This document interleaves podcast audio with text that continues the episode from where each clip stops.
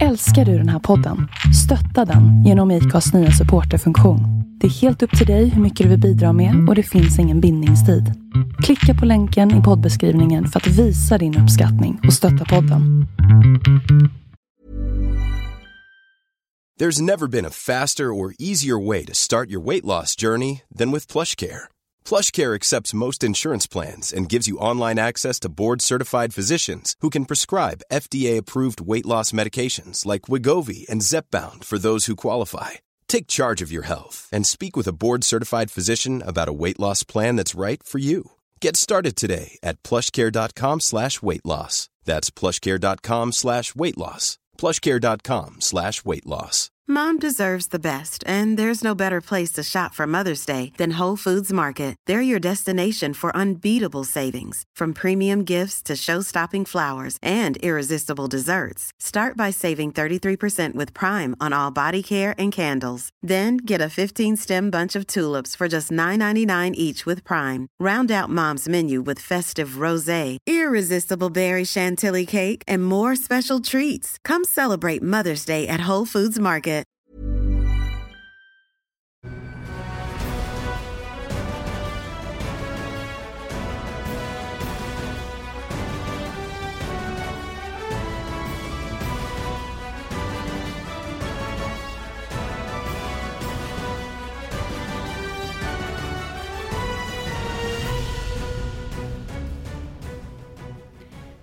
Välkomna till eh, en ny MotoGP-podd. Vi eh, står återigen i garaget hos eh, Andreas. Och Andreas, det har kanske lugnat sig lite grann nu efter den här intensiva racehelgen som var senast i Österrike, eller vad säger du? Det har det gjort. Det var kul att vara på plats där nere, jättefina faciliteter. Första gången för mig som, ja, för att vara där. Jag har aldrig varit där. Det är ju otrolig inramning. Jag har ju raceat där själv, kört ett enduranslopp. Eh, det var rätt stor skillnad kan jag säga med, eh, med just det här eh, depåbyggnaden, med mediacentret. Banan i sig är ju inte förändrad, men lite har man jobbat med, lite har man jobbat med säkerheten och det kanske fortfarande finns att arbeta där. Lite finns det alltid att göra, självklart. Men jag tycker ändå de har ryckt upp sig på den fronten med. Det var, det var en jättebra helg och eh, superbra. Eh, allt runt omkring funkade klockrent och lätt jobbat för oss. Och, och sen eh, pricken över i, ett bra race. Ja, det var det verkligen. Jag var helt... Ja, jag kan nog säga att jag var på något vis eh, rörd efter det här racet. Det är ibland, ibland så, jag- vet inte vad som kommer tillbaka liksom i, i skallen från en. Om det känns liksom som, man kan ju se det på team och förare också ibland, att det är något extra som har hänt. Och, och jag tyckte verkligen att det var något extra i det här racet. Ja, jag tycker också det. Eh, Jag blev nästan helt stum där i slutet och stod på knäna där i, i kommentatorsboxen och visste knappt var jag skulle titta någonstans. Om jag titta ut eller om jag skulle titta på bi- bildskärmen. Och, ja, jag, jag överlät det mesta åt, eh, åt dig där och prata. Ja, och, och efter målgång där när jag blev rörd, då hade jag nästan inte möjlighet att prata. Så att ja, Eh, jag vet inte vad som kommer över som sagt. Och det kan vara det här, man vet ju vilken, vilken insats alla gör. Både, både teamen, eh, fabrikerna och även förarna på plats på banan. Och det, det var ju verkligen, det var ju fight hela racet den här gången. Det var verkligen det. Det, det. det är ju roligt när det avgörs på det sättet som det gör och det var ju en extremt bra omkörning, snygg omkörning av Dovizioso. Han hölls ju precis innanför banan också. Vi vet att man, går man brett där, då har han ju tappat första platsen Så att, ja, det, var, det var coolt. Mm, det såg vi ju så sent som för ett par år sedan. Ja, Ja. Ja, det blir lite snack om Österrike såklart i den här podden och sen i övrigt också eh, nyheter och silly season där det har hänt en hel del, inte minst under Österrike-helgen. Eh, dessutom eh, det här med eh, hur man kan analysera racehelgens utveckling, för det var inte helt automatiskt att, eh, att Dovizioso skulle vinna, långt därifrån. Det såg tvärtom ut som att Marquez hade ett klart övertag under helgen. Och dessutom så måste vi blicka fram mot eh, nästa racehelg som är Silverstone och den blev ju ingenting av förra året. Nej, det ska bli kul att se ett race där igen. Det var ju två år sedan sist. Det bidde inte ens en tumme, eller hur var det? Jag vet inte vad man säger, det finns någon saga sådär. Det bidde, det bidde ingenting till, slut. Nej, det blev inte. Det blev allting utom racet. De körde ju, jag tittade precis på resultatet för kvalet och för och warm-upen och allting. Och allting kördes, men inte racet. Nej. Ja, det blir, eh, det blir de stora punkterna i dagens podd i alla fall. Och eh, om vi då backar då igen där till, till Österrike som, eh, som eh, blev en otroligt spännande Eh, utveckling på racet där. Det som sitter kvar på min näthinna det är ju faktiskt hur Dovizioso lyckas slå Marquez i, eh, i racet och hur sent det avgörs också i loppet. Ja, sista svängen, sista varvet och... Eh, nej, riktigt snygg omkörning, den var vi inne på. Men tittar vi under helgen så, så precis som du var inne på där det såg ju ut att vara fördel för Marquez kontra Dovizioso. Men sen så slog vädret om. Det måste vi komma ihåg. Ehm, de hade olika däcksval bak och Marcus sa ju det direkt efter racet att eh, han valde fel däck och det såg han på griden när de andra runt omkring honom körde på mjukt bakdäck. Då, då kände han redan där att det här, det var inte rätt val från hans sida. Sen gör han ju allt i alla fall han kan men eh, täcker inte insidan riktigt eh, ordentligt ner i sista svängen och blir omkörd. För det, det, där med däck, det är ändå ingenting som, jag ska erkänna att det där är ingenting som jag upptäcker under racet. Jag tycker ändå att hans körning är tillräckligt precis och det går, det går inte bredare än vanligt och han hänger med accelerationsmässigt och, och vi såg ju också farten i Hondan eh, klart bättre än förra året. Betydligt bättre, han hängde med betydligt bättre ut i svängarna. Det var ju just upp mot kurva 9, det, det, det såg vi ganska tydligt att där var Dovid starkare än vad Marcus var. Just genom kurva 8, den lilla högerknicken och sen accelerationen upp för lilla backen in i kurva 9. Där var ju Dovid grymt snabb jämfört med Marcus. Eh, och i slutändan så är det ju den farten där som avgjorde hela det här, hela det här racet. Och det där är, det du pratar om, det är ju sista sektorn, det är sektor 4 på varvet och det är ju där på något vis man kommer till ett avgörande i racet. Och innan det på sista varvet så var det faktiskt en liten lucka bakom Marcus till Dovizioso. Ja, det kändes som att ska, ska Dovi ändå göra en attack, sista attacken bör komma i kurva 3. Det gjorde den inte för att han var inte ens tillräckligt nära där. Och sen så satsade han allt på ett kort då genom kurva, ja det blir egentligen vänstersvängarna först och främst och sen så ta in det här avståndet och sen gör den här attacken. Eh, och det var ju väldigt, vi, vi sa ju där i, i sändning att det var någon vinge eller någonting som åkte ifrån mark i cykeln, men då var det ju bromsskyddet istället och då, ja, då är det ju tajt. Det är väldigt tight. Och, det, och om, om man dessutom, förutom att det är tight, så är det ju faktiskt så att eh, vad händer om, om eh, styret dras med ja, ja, exakt. Det, det, är ju, det är ju, vi pratar ju, inte millimeter kanske, men centimeter pratar vi. Från att Marcus hade gått omkull i det läget. Och när man tänker sig själv då att, att, att styret och den här lilla bromsskyddet på höger sida tar i då Doviziosos sving. Då förstår man ju också hur mycket nedlägg man har. Så att, ja, det är close racing. Mm, verkligen. Ja, och jag tror dessutom i det här att eh, Ja, segern är en sak, men, men det där är, det är viktigt på många sätt att, eh, att Dovizioso faktiskt eh, slog Marcus här i sista sväng eh, tänker framåt här och nu har ju Marcus varit så pass överlägsen den här säsongen så att eh, både för Dovi men även för andra förare så blir det en liten boost där tror jag. Ja, jo, men det kan det bli för just Dovizioso men sen, sen måste vi ändå, om vi ska vara lite tråkiga i detta, så måste vi komma ihåg att det här är en Ducati-bana. Ducati har vunnit tre år i rad innan i söndags. Ehm, de ska egentligen vara starkare än vad Honda och Marquez ska vara. Detta är inte Marquez starkaste bana och det var inte Mugello heller. Men han är ändå där hela tiden. När det är en bana som passar Ducati lite mindre och Honda lite bättre, det vill säga som en, egentligen en vanlig bana, då är Marquez mil före. Och jag tror att för Dovi, visst det kan kännas skönt, han förstår detta också. Men för Marquez del så tror jag han, ja, tråkigt att jag inte vann där, men det var ju som han sa i någon intervju efteråt att när jag har vunnit VM så är det ingen som kommer komma ihåg, eller han sa inte att när jag har vunnit, men om man vinner VM-titeln så är det ingen som kommer, på, som kommer ihåg enskilda race förrän vi kommer hit nästa år igen. Och det ligger någonting i just det uttalandet som han sa. Mm. Sen tycker jag ju ändå att eh, Marcus gjorde mycket för att ta segern. Vi ska komma ihåg att han inte har någon seger just på den här banan som enda bana på kalendern. Så att, nog tror jag att han... Eh, Eh, det satt ändå hårt inne, det var ju def definitivt inte så att han gav bort någonting. Nej, nej, han gjorde absolut vad han kunde, men sen körde han också på medium, det måste vi också komma ihåg i det här. Så det är egentligen två fördelar för Marquez. Men Dovi tar det till slut och han gör det extremt bra Dovi.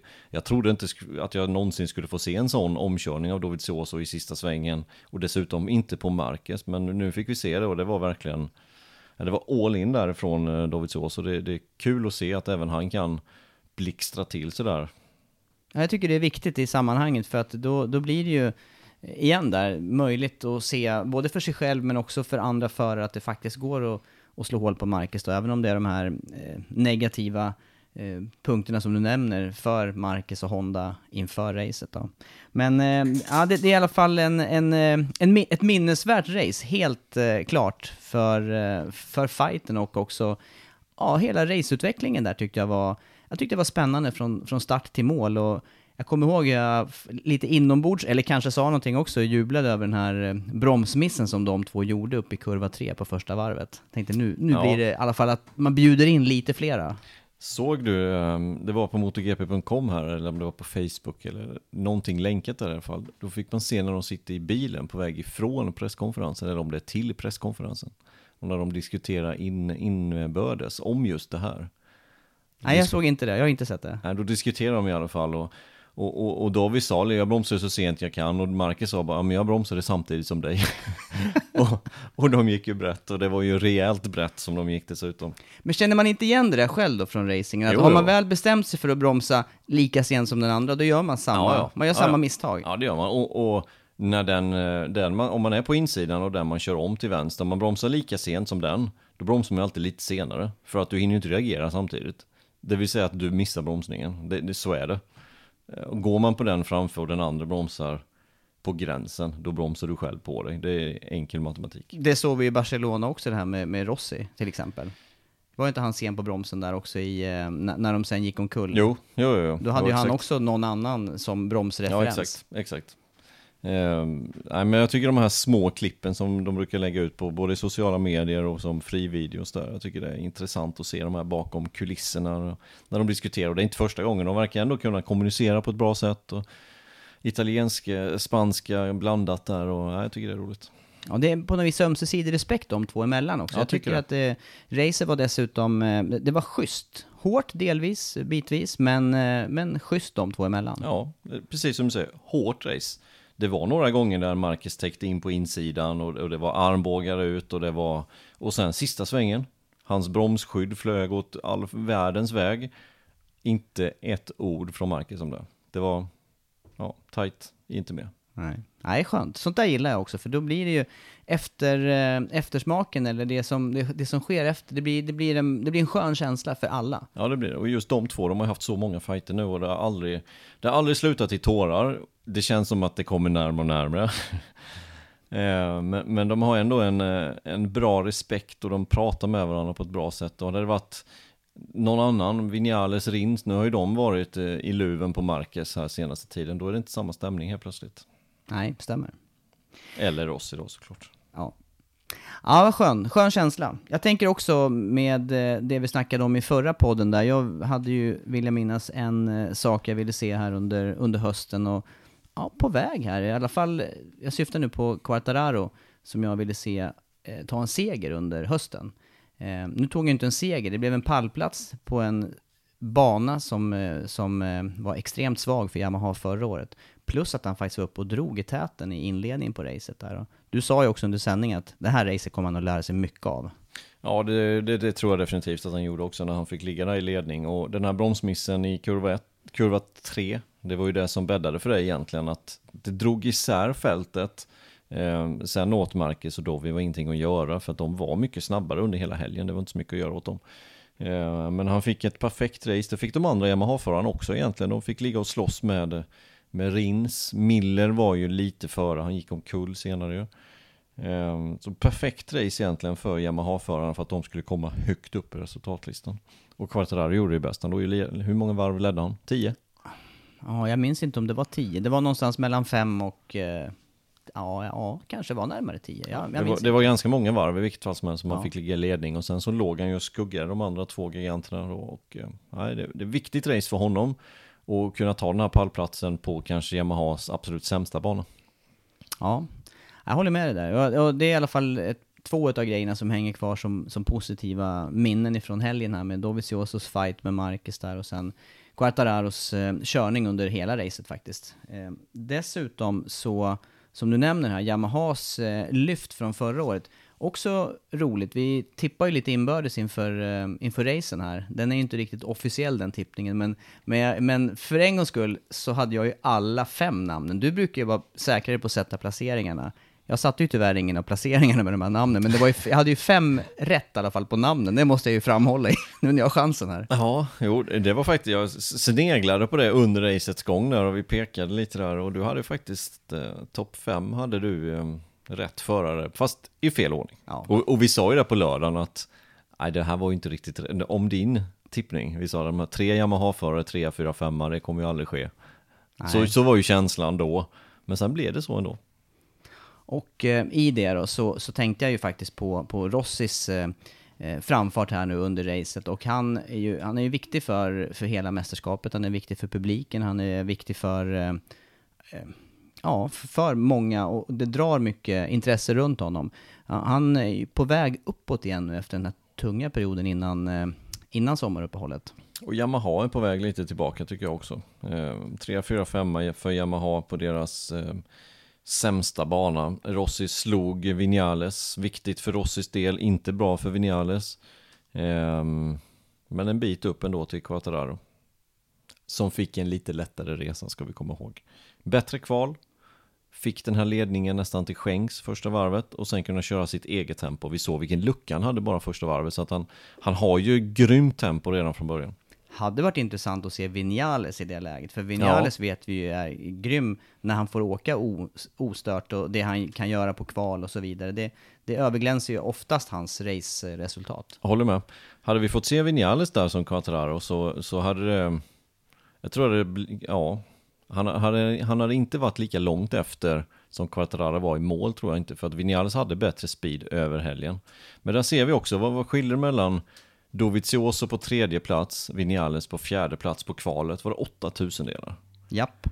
Och, Det det kanske och vad det hade- blir på racet sen. Ja, nej men åt, de här 8000, säg att han hade startat i tredje startrutan istället och så hade det där hänt i kurva 1 som hände och så hade Vinales gått ut där som ledare. Inte alls omöjligt. Ja, pre- precis som du säger där, vad hade hänt då? Ja, det var spännande att se. Men det, det är ju igen då det här som, som mästerskapet är i med den väldiga jämnheten och vi ser ju det faktiskt under hela helgerna. Det drar ju ihop sig i, i snart sagt varenda friträning. Slutminuterna där, då ska alla hamra in ett snabbt varv för att vara med i topp 10. Och särskilt om, särskilt om väderförutsättningarna är lite svajiga. Ja, men så är det. Men du, vi var inne här nu på plus och, och så från helgen och det här är i alla fall de, de stora plussen som jag tar med mig från helgen. Men eh, också det här med, som vi snackade om i förra podden då, jag ville se Quartararo, kanske högst upp på pallen. Eh, dina punkter som du önskade, de börjar ju också falla in, eller rättare sagt, de har ju snudd på fallit in här nu på två racehelger. Ja, jag hade ju några där. Det var ju att tre förare skulle um, göra lite bättre. Det var Rossi en vinst, det var Dovi skulle rycka upp sig, Lorenzo på pallen och eh, jag vill nog bocka av den där Dovi rycka upp sig. Jag tycker han gjorde det i den här helgen. Eh, de andra Ducati-förarna var inte i närheten av honom. Närmast var Miller, Petrucci var ju ingenstans, verkligen, hans teamkamrat. Eh, så en, en uppryckning från Dovi och sen så fick vi även se den här sista svängen duellen som jag också har saknat sen eh, senast det var. Jag kommer inte knappt ihåg när det var senast. Det var Qatar, Qatar kanske. kanske. Ja. Ja. Eh, Och det fick vi se. Det är, det är det roligaste som, eh, som finns tycker jag. Och så var det ju nära också med, ville inte du se lite rabalder på, på racet också? Ja, flag to flag, eller hur var det? Det var nära i Brunor ju. Det var ju väldigt nära. Ja. det var det lite hade- för lokalt regn där bara. Har man sett mer lokalt regn? Nej, Plask. knappt inte. Nej, knappt alltså. Nej. Plaskblött på... Fyra svängar. Ja. Ja, Start och målrakan och liten bit till och övrigt snustort. Ja. Men- Nej, det är inte ofta man ser det. Nej, det är inte ofta. Men det var ju också lite, ja, nej, det var, det var som sagt var, och eh, väderomslag här nu, även om det inte blev eh, flag to flag. Ja, men det är kul. Vad, vad har vi kvar här då? då? Rossi, vinst och eh, Lorenzo på pallen. Mm, och Quartararo då något hack till framåt här. Ja, på, är det åtta race eller kvar? Mm, det är eh, race 12 nästa då. Fingerräkning. Nej, det var inte fingerräkning. kan du inte säga. jo, det var det faktiskt. Det är åtta race kvar. Ja, vad bra. Ja, men det, det kanske, kan fall, kanske kan slå in någonting då utav önskemålen Ja, här. det jag ser det som högst troligt.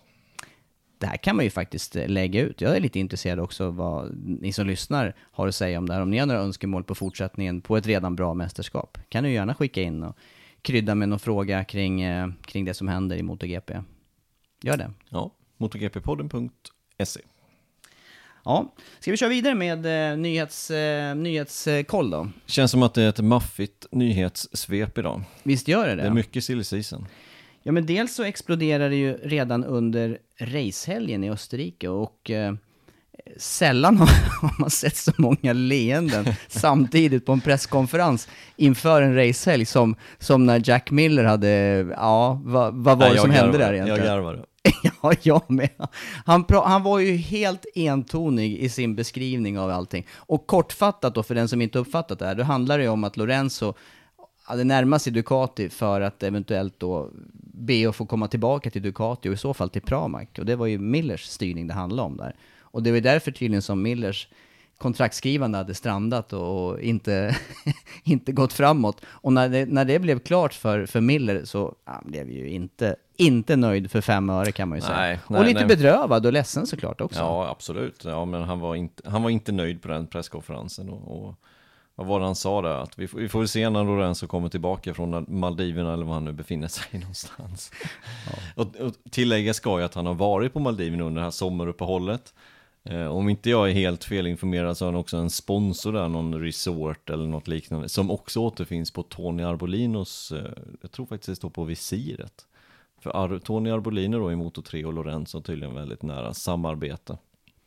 Båda är sponsrade av den här ja, resorten på Maldiverna. Ja, ja det, gav, det blev många leenden i alla fall. Eh, Men, men det ska också tilläggas Ganska att- drygt. Ja, Det var ganska drygt Ja. sagt var det ju. Men för Lorenzo är ju, men vi ska ju ha klart för oss att han har ju slagit sig rejält här senaste halvåret. Många tillfällen och det är ju det, det är därför han är borta från mästerskapet just nu, så är det. Så är det. Men det här med, med eh, det, det som det sätter i, igång då, allt det här, det är ju eh, trots allt eh, massa saker i huvudet. Eh, definitivt hos Miller, även hos övriga då, för att det hände ju också mer under helgen här med, kring KTM och kring Sarko. Men om vi, om vi börjar då med, med det här med, med Lorenzo, vad är, det som, eh, vad är det som gör att han eh, överhuvudtaget närmar sig Ducati igen här? Om det nu är så. Om det nu är så ja. Men det, det sägs ju helt enkelt att han, hans management eh, har pratat med Ducati under Brno-helgen och det var ju det då som kom fram till Österrike bara veckan efter. Och att han skulle då kunna få köra för Pramac Ducati till nästkommande säsong. Eh, och det var därför Millers kontrakt inte var skrivet. Eh, ja, nu blev det ju inte så. Nu har ju Jack Miller signat för Pramac och Lorenzo har ju också via någon källa gått ut och sagt att han ska köra kvar hos Repsol. Och konstigt vore det väl annars när man har till till kontrakt, men, men så är det nu i alla fall. Mm. Men ändå tufft läge för Lorenzo, det märker man ju om det här, om det finns eh, det minsta uns sanning i de här ryktena då, eh, så, är det ju, så betyder ju det att Lorenzo ändå slåss ganska hårt mot Hondan, kan man väl säga då, körmässigt. Ja, nej, men det, det är ett tufft läge. Ehm, det är betydligt sämre start hos Honda än vad han hade för två år sedan hos Ducati. Och det tyckte alla var jättedåligt. Ehm, då kom vi fram till Misano-racet, jag kommer mycket väl ihåg det, var i regn på Misano, han kraschade i ledning, då räddade han med en tre sekunder eller något, fyra sekunder, något liknande. Får vi se Lorenzo i ledning om två racehelger så är jag ju ja, inte bara imponerad utan väldigt förvånad. Det tror jag inte kommer hända. Eh, men som sagt, man vet aldrig. Men, eh, nej, men tung inledning från Lorenzos sida och det, det har ju du och jag sagt också och, och det var en väldigt bra artikel, vi kommer komma till den, men, men eh, som Matt Oxley skrev här i början av veckan att om Lorenzo hade suttit på en fabriks-Ducati i år istället för Petrucci fått fortsätta hade då Marquez ledning varit 58 poäng. Han tror inte det, jag tror inte det och jag vet att du tror inte det heller. Nej, jag skakar på huvudet också där. Det var ju så, det var ju så, det var ju så roligt att se och vi har varit inne på det många gånger tycker jag med det här att, eh, att slå Marquez efter de här åren som Marquez har haft hos Honda. Det är nästan så att det krävs annat maskinmaterial hos den föraren för att det går liksom inte att, i, i nuläget att slå Marcus med samma förutsättningar som han själv har. Nej, extremt svårt. Och, och jag läste senast en, en, eh, en artikel idag som var en, eh, en intervju med Yakio Takayama hos, hos Honda, technical, technical director eller vad det kallas hos Honda. Och han skrev ju det, eller han sa ju det också i den här intervjun att att vi har tre fabriksförare och vi utvecklar dem och, vi, och de flesta förarna tar det åt samma håll. Skulle det avvika, vilken linje går vi på då? Marcus. Ingen tvekan. Det, det, det är ju trots allt med Marcus de vinner mästerskap. Både förarmästerskapet och teammästerskapet och, märkes, och märkesmästerskapet. Så att, ja, det är ju fördel Marcus. Så enkelt är det ju inom ja, Honda. Och det, och visst, och det spelar ju ingen roll. Det, man vill ju inte ha mängdresultat här. Nej, du vill ju, det, det är ingen som kommer ihåg om det blir 2, 3, 4. Det är ingen som kommer ihåg att Yamaha blir 3, 4, 5 i Österrike om tre racehelger. Nej. Man kommer ihåg vem som vann. Nej men jag, nej precis, det slår mig den här i, undrar om det var Mästarnas Mästare, Patrik Sjöberg och Stefan Holm när de pratade höjdhopp då. Holm var ju lite ettrig och tyckte att, ja men du, du har ju bara hoppat ett hopp som är 2.42 eller hur Sjöbergs världsrekord var där. Och, och, och Sjöberg, han, han var iskall, han bara, men det är ju faktiskt inte mängdhopp vi håller på med, utan det är höjdhopp. Det är, det är ju hoppa ja. så högt som möjligt. Ja. Skitsamma hur många gånger man hoppar över den här höjden. Det, det, är, ju, det är ju sant. Ja, och det är ju där, det är där också Honda är med, med Marcus då. Har man en sån förare, det är klart att han måste få det som eh, det som eh, krävs då för att ta titlar. Och jag tycker att Marcus har ju, han har ju större marginal i år än vad han haft på länge, ja, körmässigt. Jo, men det, det är bara att titta på resultaten. Det är ju, det är ju, bland, det är ju fem segrar och det är fem andra platser och det är ett brutet race om jag räknar rätt här nu i huvudet. Och eh, ja, varför skulle de gå på någon annans input då? Nej. Nej, och då är vi tillbaka till det där med att eh, Ducati, ja, de var lite snabba förra året alltså att ta det här beslutet med, eh, med kontraktsskrivandet tyckte vi nog redan då. Det tyckte vi nog redan då. Nu, nu blev det ju som det blev och det, det, det var ju som det var då helt enkelt. Eh, men därför förstår jag om det nu ligger någon sanning i att dels då att Ducati vill ha tillbaka Lorenzo eller kanske Dalinja vill ha tillbaka Lorenzo för de vet vi har ett ganska, de har en historia ihop från Aprilia-tiden och de gick även bra överens under förra säsongen. Sen kan det finnas andra då inom Ducati som inte tyckte det. En annan sak. Men, men det är klart att det finns fog för de ryktena att det skulle varit bra kanske för Lorenzo. Nu blir det inte så, utan Lorenzo fortsätter i Honda. Mm. Men istället då så kan, vi ju, då kan man ju glida vidare på Miller här då, som, som på något vis hamnar i skottgluggen för det här som händer. Och han, han blir ju klart påverkad utav det här. Och eh, vad, vad, tänker, eh, vad tänker han själv tror du efter en sån här händelse under förra helgen? återigen den där artikeln som Oxley skrev där, jag håller fullständigt med allt han skriver där. Eh, just att jag tror han känner sig lite osidosatt. Väldigt åsidosatt i och med att Ducati då väljer mellan Lorenzo och han själv. Egentligen är det ju Miller som är framtiden hos Ducati. Miller och Banjaya är ju framtiden. Inte Petrucci Dovizioso.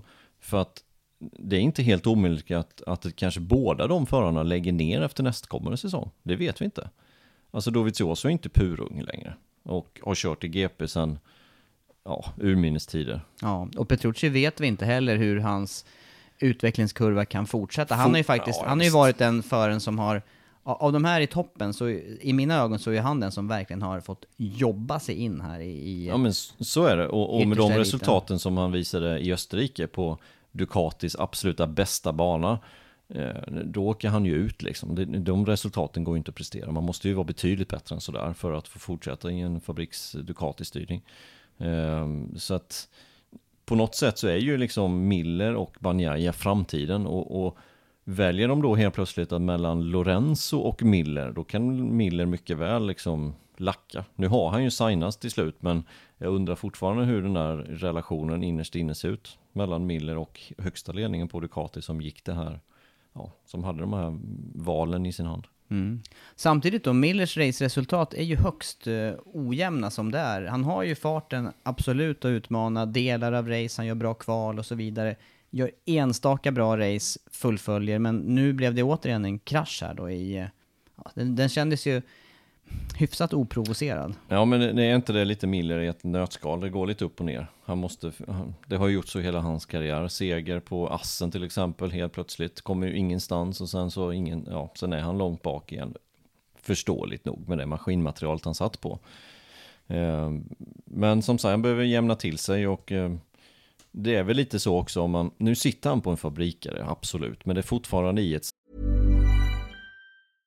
Hey, I'm Ryan Reynolds. At Mint Mobile, we like to do the opposite of what Big Wireless does. They charge you a lot, we charge you a little. So naturally, when they announced they'd be raising their prices due to inflation, we decided to deflate our prices due to not hating you. That's right. We're cutting the price of Mint Unlimited from $30 a month to just $15 a month. Give it a try at mintmobile.com slash switch. $45 upfront for three months plus taxes and fees. Promote for new customers for limited time. Unlimited more than 40 gigabytes per month. Slows. Full terms at mintmobile.com. I'm Sandra, and I'm just the professional your small business was looking for. But you didn't hire me because you didn't use LinkedIn jobs. LinkedIn has professionals you can't find anywhere else, including those who aren't actively looking for a new job but might be open to the perfect role, like me. In a given month, over 70% of LinkedIn users don't visit other leading job sites. So if you're not looking on LinkedIn, you'll miss out on great candidates like Sandra. Start hiring professionals like a professional. Post your free job on linkedin.com/people today. Mom deserves the best, and there's no better place to shop for Mother's Day than Whole Foods Market. They're your destination for unbeatable savings, from premium gifts to show-stopping flowers and irresistible desserts. Start by saving 33% with Prime on all body care and candles. Then get a 15-stem bunch of tulips for just $9.99 each with Prime. Round out Mom's menu with festive rosé, irresistible berry chantilly cake, and more special treats. Come celebrate Mother's Day at Whole Foods Market. Satellitteam, då har man inte samma förutsättningar 100% som Dovizioso eller Petrucci har. Utan man måste kanske överköra grejerna lite, lite, lite grann hela tiden för att hänga med det här sista lilla och då sker det misstag. Som nu, kurva 9, vi såg motor 2 bara en timme tidigare. Hur många förare var det inte där som gick omkull just i den svängen? Ja, det var Så det- många, många incidenter, många krascher. Ja men det är ju en enkel, enkelt misstag som man gör denna gången då. Ja, ja, och det går ju också att dra paralleller bakåt i tiden där till eh, Casey Stoner till exempel som kraschade otroligt mycket i början av sin karriär. Han åkte ju LCR Honda i, i början utav MotoGP-karriären. Ja, första året där 2006 så kraschade hur mycket som helst gjorde han ju första året och sen la han ner det när han körde Ducati 2007 och vann direkt. Ja, intressant. Men, men det blir ju också en, en, en triangel här med, med händelser, för, för sen dröjde det inte på förrän eh, precis efter racehelgen så, så tillkännagav ju också Sarko och KTM att de kommer gå skilda vägar nästa säsong. Och det här, ja, jag ska inte säga att det är ett bombnedslag, men det är ändå en, det är ändå en stor, stor nyhet. Där. Visst är det så, och, och det ryktet fanns ju även under helgen där att de skulle göra en rockad, de här tre förarna vi pratar om här nu, Lorenzo, Miller och Sarko. Miller i så fall då till KTM med deras eh, Red Bull-samarbete eh, som Miller har haft.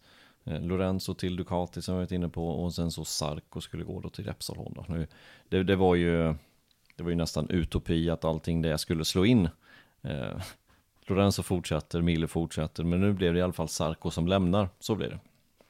Ja, och eh, det här måste jag själv, eller måste, jag, jag tycker själv att det är tråkigt för Sarko, ska vi ju komma ihåg, var ju faktiskt eh, bra med och, och kanske, ja nu hade han ju inte samma förutsättningar kanske som Quartararo har i år, men man kan ändå jämföra deras eh, eh rookie-säsonger i MotoGP på något vis. Det kan man absolut göra. Eh, Sarko på Yamaha funkade ju alldeles ypperligt. Eh, Sarko på Monobidellis Yamaha i år till exempel hade också fungerat alldeles utmärkt tror jag. Och han hade varit med väldigt, väldigt bra. Högt upp i listorna. Eh, men nu blev det KTM och eh, lite, ja men på något sätt kan jag tycka att det är befriande. Inte, jag ska inte säga för en gångs skull, men, men eh, denna gången att han går ifrån den här styrningen känns inte rätt. Han, vi ska komma ihåg att han tjänar ganska mycket pengar hos den här styrningen. Har ett år kvar på kontraktet, behöver egentligen bara köra igenom och sen har han tryggat sin framtid. Och kanske för kommande generationer också. Men gör inte det för att han inte kan prestera på igen. Och då undrar man ju lite från början också. Då måste han ju verkligen ha trott på den här cykeln och det här konceptet när han skrev på för KTM för ett år sedan. Så är det säkert, men jag blir ändå lite fundersam för att det måste ju på något vis gå, kunna gå att utläsa ändå utifrån eh, vilka förare som åker den cykeln. Han har ändå varit på banor tillsammans med, med eh, KTM, borde se hur, hur cykeln fungerar, även om man inte har kört den själv. Tydligen inte. Nej, Eller så är det någon inte. som har, an, antingen så tror han väldigt lite om Paul Sparger och Bradley Smith, vilket säkert kan stämma. Han kan inte ha ett mycket förtroende för vad de har gjort hittills om man tror att han själv skulle vara med i toppen med den cykeln direkt. Eh, eller så måste någon ha lurat i honom någonting. För att jag hade, när han skrev på där så tänkte jag okej, ja men det är ett bra, sätt. han, han är ändå för, jag tror han är född 87, det vill säga att han är, eller nej 90 är han född, 90 ursäkta, 90. Men han är ändå snart 30 år gammal. Mm. Han har, framtiden har han bakom sig.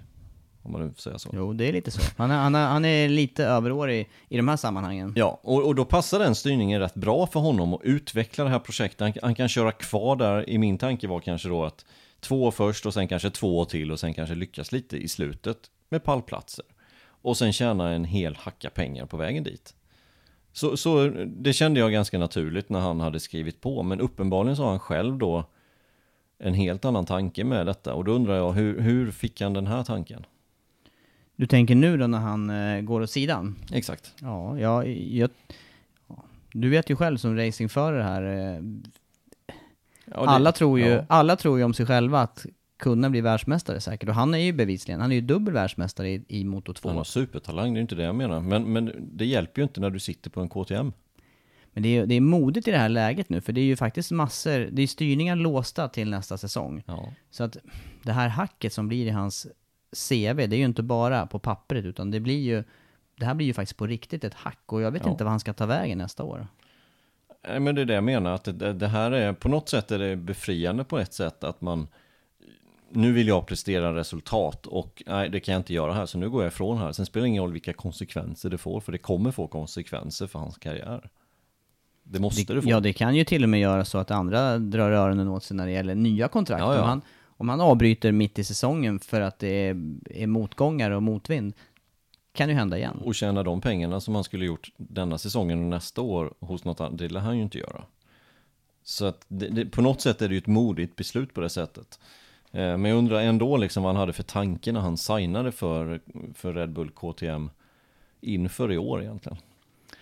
Ja, Och, det vi kanske- vet ju hans manager där, det har ju varit, de har ju brutit och det har ju varit konflikter dem emellan. Jo, men jag, vad jag har förstått bakom kulisserna där så hade ju Laurent Felon som är manager eh, på något vis bakom ryggen förhandlat om de här eh, ko- kontraktet eller lovat mer eller mindre bort Sarko till KTM. Eh, och då inte heller informerat fullt ut om vilka möjligheter som fanns. Och Repsol Honda låg ju rätt öppet för honom faktiskt, Ja, det till det. exempel. Ja, det gjorde det. Eh, och, och säkert eh, eh, så hade han inte varit allt för dyr för Repsol Honda heller. Det hade säkert varit ett bra val för Honda. Det hade varit bättre än vad det hade varit, eller än vad det blev för Sarko. Eh, ja. Men, men jag tror att det här ligger lite bakom att, att det faktiskt blev KTM sen. Att eh, Förlon där hade på något vis fumlat med förhandlingarna. Och på något vis Ja. nästan tvingat in Sarko i den här styrningen. Ja, det, låter ju lite så när man hör också ifrån Alberto Puigi hos Honda att det var hans management som sumpade möjligheten för att Sarko skulle köra där. För jag, jag, som det har låtit så har ju Sarko varit första valet hos Honda innan Lorenzo kom in i bilden. Ja. ja, men intressant. Men, vad, men vägarna framåt då för Sarkos del? O, Ja. Högst osäkert. Högst osäkert. Det, det känns ju som att det som ligger eh, det som ligger uppe och som kan bli aktuellt är ju Moto 2 på något sätt i någon styrning. Eh, vad jag har sett så finns det inga direkta rykten om vad Sarko tar vägen än så länge, men kanske Petronas. De har ju historia tillsammans. De har kört innan det var visserligen det här teamet. Eh, när det var Caterham då så, så körde ju Sarko för dem. Så att ja, kanske. Samtidigt, ja, för, för han har ju ingen direkt koppling heller längre till, till KTM som också kommer dra sig ur Moto 2 till nästa säsong. Det blev ju också klart här under helgen, eller precis efter helgen. Ja, och så går de och vinner första racet i Triumph-eran på söndagen sen med Brad Binder. Det blir lite Ja, ja, ja. svårt att smälta de här Och- och- kasten. Ja, ja visst. Och sen är ju nästa sak, vem ska de ersätta Sarko med i KTM? Ja, där, är- det är ju redan så som du säger att Binder är ju, eh, det sa du inte nu, men Binder är ju redan eh, kontrakterad för att hoppa upp till KTM och eh, MotoGP nästa år. I Tektra. Så är det. Är det så att han får ta ett kliv till tror du? Nej, det tror jag inte. Då tror jag Oliveira ligger eh, bättre till. Eh, Oliveira är snäppet före Brad Binder i hela karriären egentligen. Och eh, borde vara Oliveira som i så fall får ta klivet upp i fabriksteamet. Och det är den mest naturliga att ta klivet upp. Kanske att de behåller då Syrin istället som, som har ja, han är ju på väg ut helt enkelt ur MotoGP. Men det, kanske nu med Sarkos avhopp att han kan få stanna kvar hos Tektra tillsammans med Brad Binder. Det är möjligt. Jag ser ingen riktigt annan eh, sådär ersättare som är på väg uppåt. Om man, om man nu stopp, antingen så, så hittar man ett höjdarnamn och stoppar in istället för Sarko. Men jag ser inte riktigt vem det skulle kunna vara. Det, det Nej, jag, jag, jag, kan inte riktigt eh, se någon direkt eh, följare där, för det finns inga toppförare utan kontrakt och sådär. Så att, ja, Jack Miller då, som ryktet gick, det hade väl varit en bra lösning då, men nu blir det inte så. så att, jag tror Oliveira kommer få ta steget upp och sen så tror jag antingen syr in eller så stoppar man in någon annan ja, nerifrån. Men det är det som är problemet. Det finns inga direkta sådär i KTM som, som ska ta klivet upp. Nej, svårt. Svårt läge. Jag har ingenting att fylla på med i, det läget heller. Faktiskt. För det känns ju som att man vill ha en KTM-förare på den styrningen. För Tektra ska ju vara ett team som lyfter upp unga förare, förbereder, de sig, förbereder sig på KTMs eh, fabrikscyklar för att sen kunna ta sig vidare till, eh, till huvudteamet. Men det blir en intressant säsong, eller rättare sagt eh, silly season inför säsongen 2021. För då är det ju, då är det ju verkligen eh, hela havet stormar där när det gäller kontrakten och allt ligger öppet. Ja. Och då är det ju också, då får man ju kasta in några andra kort där, för det, de måste ju, som du, du var inne på här med att eh, några utav förarna är ju till åren, Dovizioso och eh, Rossi inte minst, och vi vet ju inte hur länge de väljer att fortsätta, väljer eller har möjlighet att fortsätta, men Alex Marquez är ett sånt namn som mer och mer nämns upp till, till MotoGP nu, men han kommer ju köra vidare i Moto2 till nästa år. Ja, det, det fanns ju inget annat alternativ för hans del eh, än att fortsätta. Han var ju väldigt, väldigt nära vad vi har förstått ett kontrakt med Petronas med option på att åka MotoGP till 2021. Eh, men Yamaha satt stopp för det. Eh, och det har ju faktiskt också Lin Jarvis gått ut och sagt i en intervju för ett gäng år sedan att det kommer inte finnas någon som heter Marcus i Yamaha så länge ja, han är med och bestämmer. Vad ligger det här bakom? Ja, Nej, det kan man ju undra. Det måste ju vara något alldeles eh, exceptionellt. Ja. ja, det kan det ju vara. Det kan De det inte, ja, på något vis är det inte något, det är inte... Det är väl ganska givet vad som ligger bakom det här och det är 2015 såklart. Um, så så att uh, den dörren var stängd helt enkelt för Alex Marquez och lite tråkigt ändå kan jag tycka. För jag tycker ändå Alex Marquez eh, med den här säsongen han har gjort i år, han förtjänar en MotoGP-styrning. Ja, men nu har ju han gjort sina hundår i Moto 2. Alltså han är ju, han är ju mer eller mindre, kommer man att minnas Alex Marquez med någonting så är det ju den här han är vinröda, ja, vinröda, gula, blåa och lite silverfärgsättningen i olika omfattning. Hos Mark VDS. Ja, eller hur? Ja, Ja. Risken Nej, men jag tycker det... är tråkigt. Jag tror det har varit ett bra steg i hans karriär. Ett år i Petronas, Moto 2 nästa år. Och sen kanske då MotoGP efter det i Yamaha. Men nu blir det inte så. Uh, han får inte köra Yamaha helt enkelt. Och då kan ju Yamaha förklara bort det genom att nej men han är inte tillräckligt bra. De har ju alla, alla ursäkter i världen. Men de kommer ju inte nämna det som det verkligen handlar om. Och det är ju att han har en bror som heter Mark Marquez. Det, det, det är ju det det handlar om. Det är jag helt övertygad om. Ja, tråkigt i det här fallet då, för, för Alex Marquez. Men vad, vad, tror du Mark och Alex Marquez kommer säga om detta? De, de kommer ju... Tror du Mark Marquez kommer ha ett ont horn i sidan på Yamaha efter detta? Så kan det ju vara, men det men... Ja. Nej, det, det jag tror jag. Inte. Det tror jag. Ja, men hur, men hur ska det yttra sig sen då i slutändan? Det kommer bli extra motivation. Ja, så kan det vara. Men sen är det frågan också då om, om det blir så att Alex Marquez kommer in till en bra styrning så småningom då i, eh, i MotoGP säsongen 2021 och vad det skulle vara då. Då är det ju, ja det är Honda eller det är eh, Ducati eller Suzuki i nuläget då som är konkurrenskraftiga och starka. Ja, ja. Vet du, vad, vet vad jag hade gjort om jag var Pete Beider i söndags och fått reda på att Sarko ska sluta. Nej, berätta. Då hade jag ringt Alsamora och så sagt att Alex Marquez får en styrning här i KTM. Direkt. Ja. Det har vi varit inne på innan när vi har pratat lite att Ducati skulle gjort så.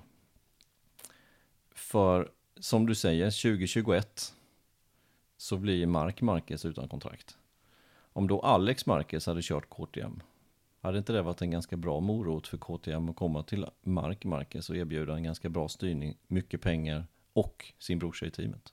Ja, mycket möjligt. Och, och läge också för ny utmaning för, Exakt, för Mark Marquez. det är det jag menar. Mm. För någonstans kan man ju också tänka att det skulle kunna ske. Det har ju skett för många andra före Mark Marquez menar jag, det här med att byta märke och ja, hur, ska jag, hur ska jag motivera mig själv och fortsätta vinna och hur ska jag kunna ta min karriär vidare? Det, ett sätt är ju att byta faktiskt fabrikat. Mm. Kanske inte till sån underdog som KTM är fortfarande, men det händer ju saker på ett år till. Så är det. Jag tror det, jag tror det hade varit en, eh, en smart grej att göra. Kontraktera Alex Marquez, låta han köra där under 2020. Och sen gå in med stora plånboken och försöka värva över Mark Marquez till KTM.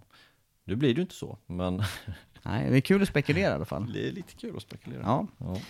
Och, ska och vi sen återigen så behöver man ju inte byta märke för att bevisa sin storhet. Absolut inte. Och, och jag ser det som mycket sannolikt att Mark Marquez kommer fortsätta i Repsol Honda. Varför ska han byta när han vinner och tjänar massa pengar?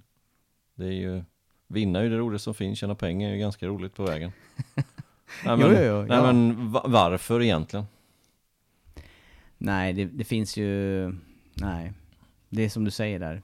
Svår, eh, svårt att hitta... I sådana fall det skulle det ju vara det här och, och svårt att hitta motivationen beroende på hur eh, överlägsen han är. Men, men med förra racet färskt i minnet så ser vi att det är ju inte alltid solklar seger för Marcus. Han får ju fightas för det.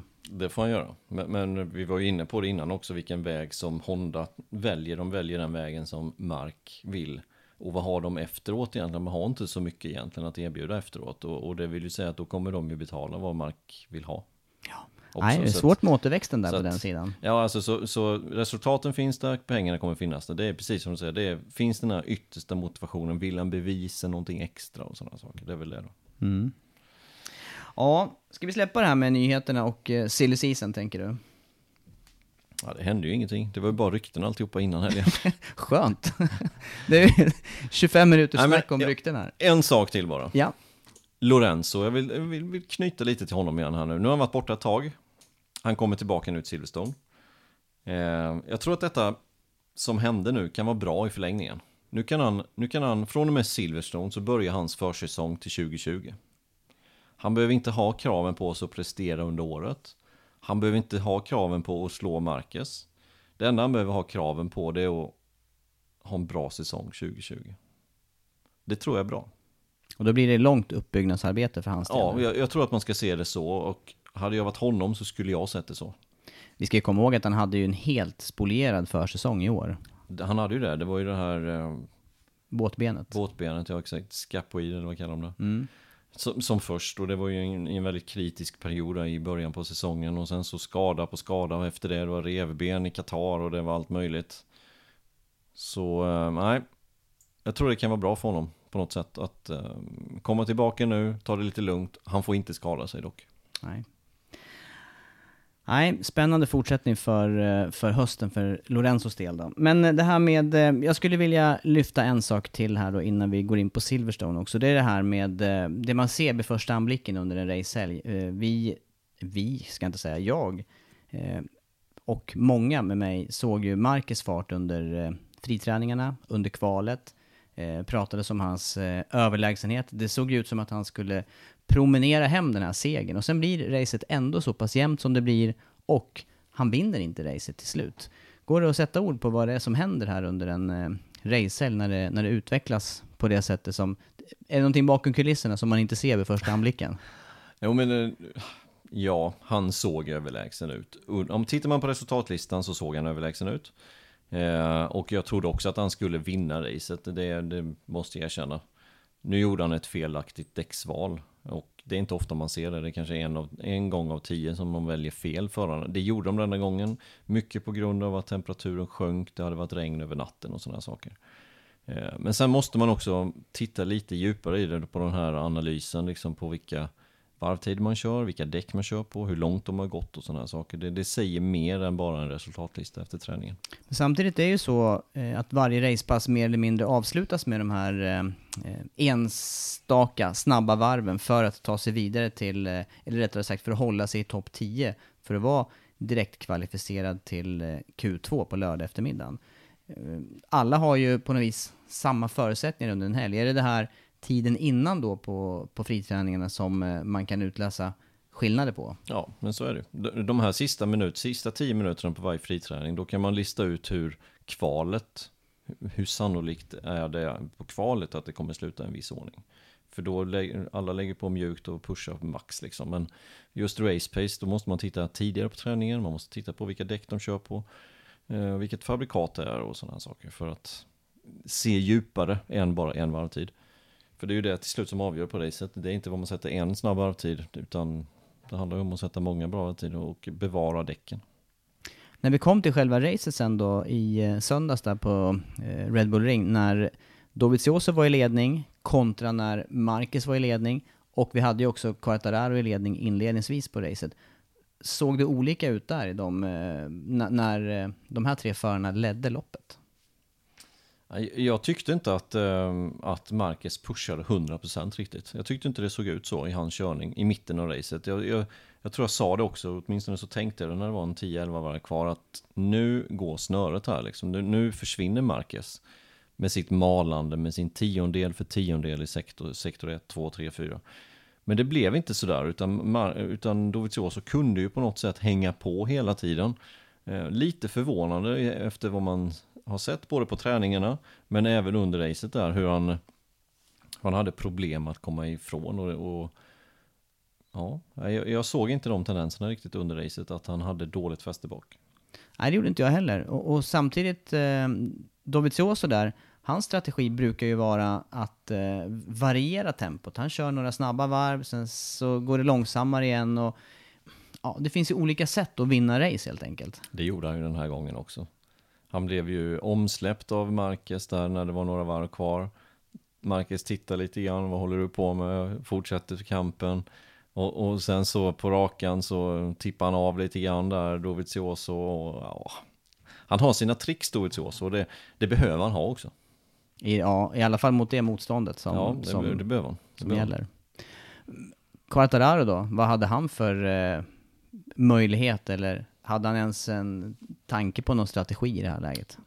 Nej, eh, det tror jag inte, utan det var bara hänga på så mycket det går. Köra sina varvtider, inte bråka för mycket, bara hänga på så mycket. det- Han bråkade lite med Marcus där, någon inbromsning, men sen det, det var helt enkelt, det var Dovizioso, det var Marcus. De var snabbare än alla andra, de hade läget under kontroll.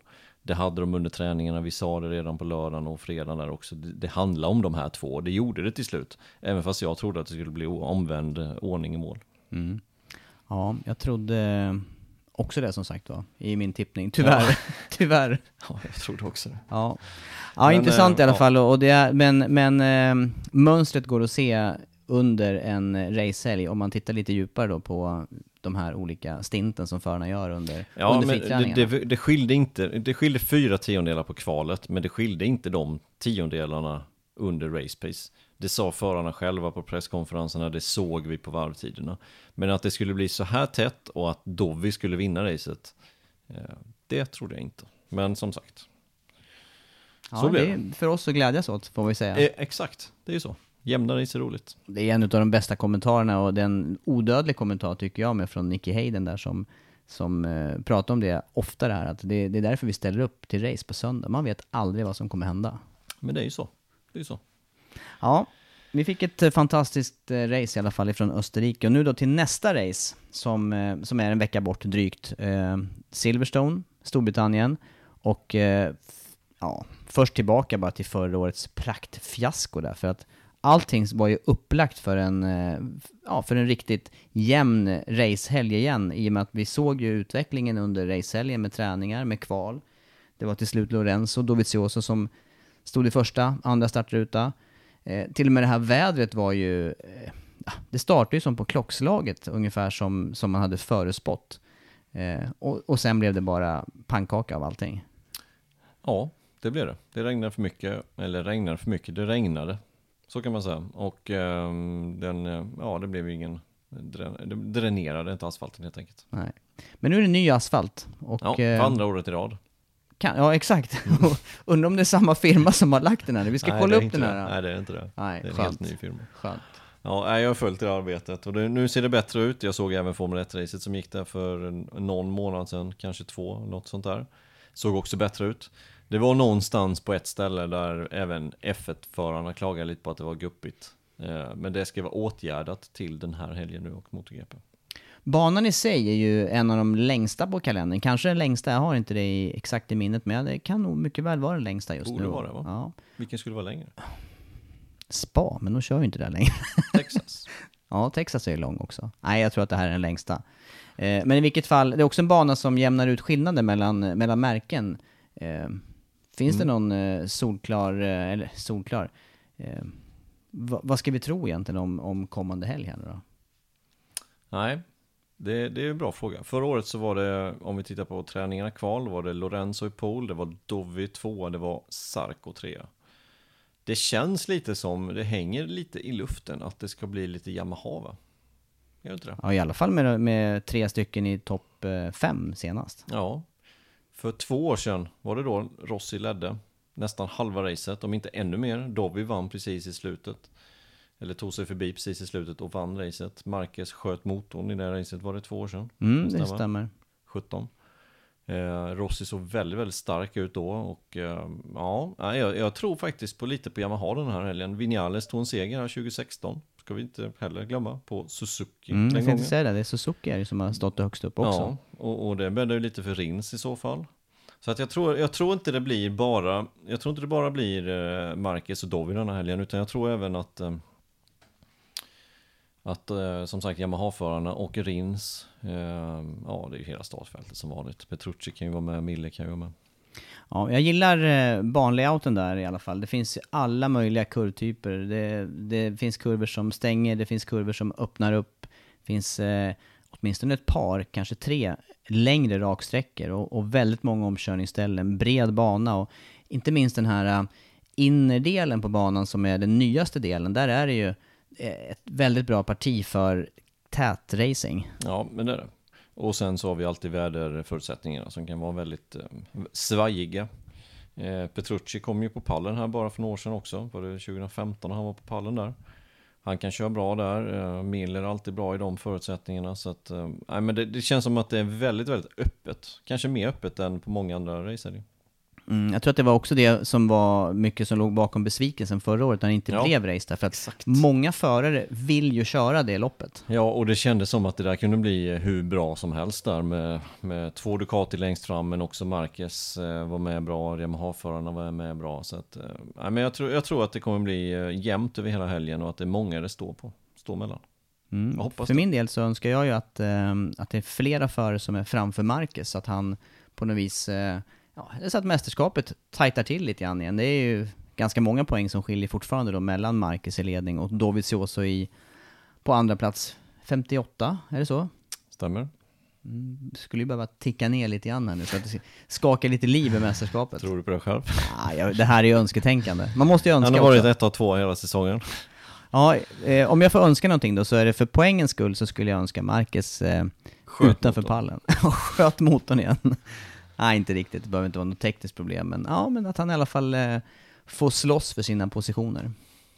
Ja, Lorenzo tillbaka. Eh, Quattararo ska bli intressant att se på Yamaha. Tillsammans med de andra Yamaha-förarna. Nej men jättespännande helg. Väldigt, väldigt spännande. Eh, och eh, är det så att det är spa i helgen också? F1? Samma helg som eh, Silverstone. Kan det vara så? Ja, det kan vara. Det brukar ligga här i augusti någon gång. Ja, för att det är nämligen ändrat schema har jag sett i, eh, i tablån. Så det kommer vara Moto 3, Moto GP, Moto 2 på söndagens racedag. Och så är det tidsskillnad också då Och till... så är det eh, tidsskillnader och så det kommer ligga alla träningar och sånt där en timme senare svensk tid. Mm. Mm. Ja, ni, ni hänger med som vanligt på våra kanaler här nästa helg. Du, nu börjar jag få lite bråttom. Jag vet, du ska iväg på, det är lördag kväll här nu och du ska iväg och kommentera speedway om sådär en 20 minuter. Ja, ungefär så. Ladda om. Eh, Speedway Grand Prix i Målilla är det. Och förra GPet var fantastiskt för den som inte såg det. Det var, det var, det var eh, höjdar-GP. Alla Okej. tiders bästa kanske. Du ska iväg och kommentera, med andra ord har inte speedway GP gått än. Jag tror att Smartslick vinner. Ja, skulle mycket väl kunna vara det. Han är extremt snabb nu. Det är ingen, Den här det är ingen podden dålig, släpps efter detta är avgjort, Ja. Det är ingen dålig gissning. Ja, hur som helst, då avrundar vi den här podden nu då. Så gör vi. Ja, häng med oss nästa helg så eh, hörs vi framöver.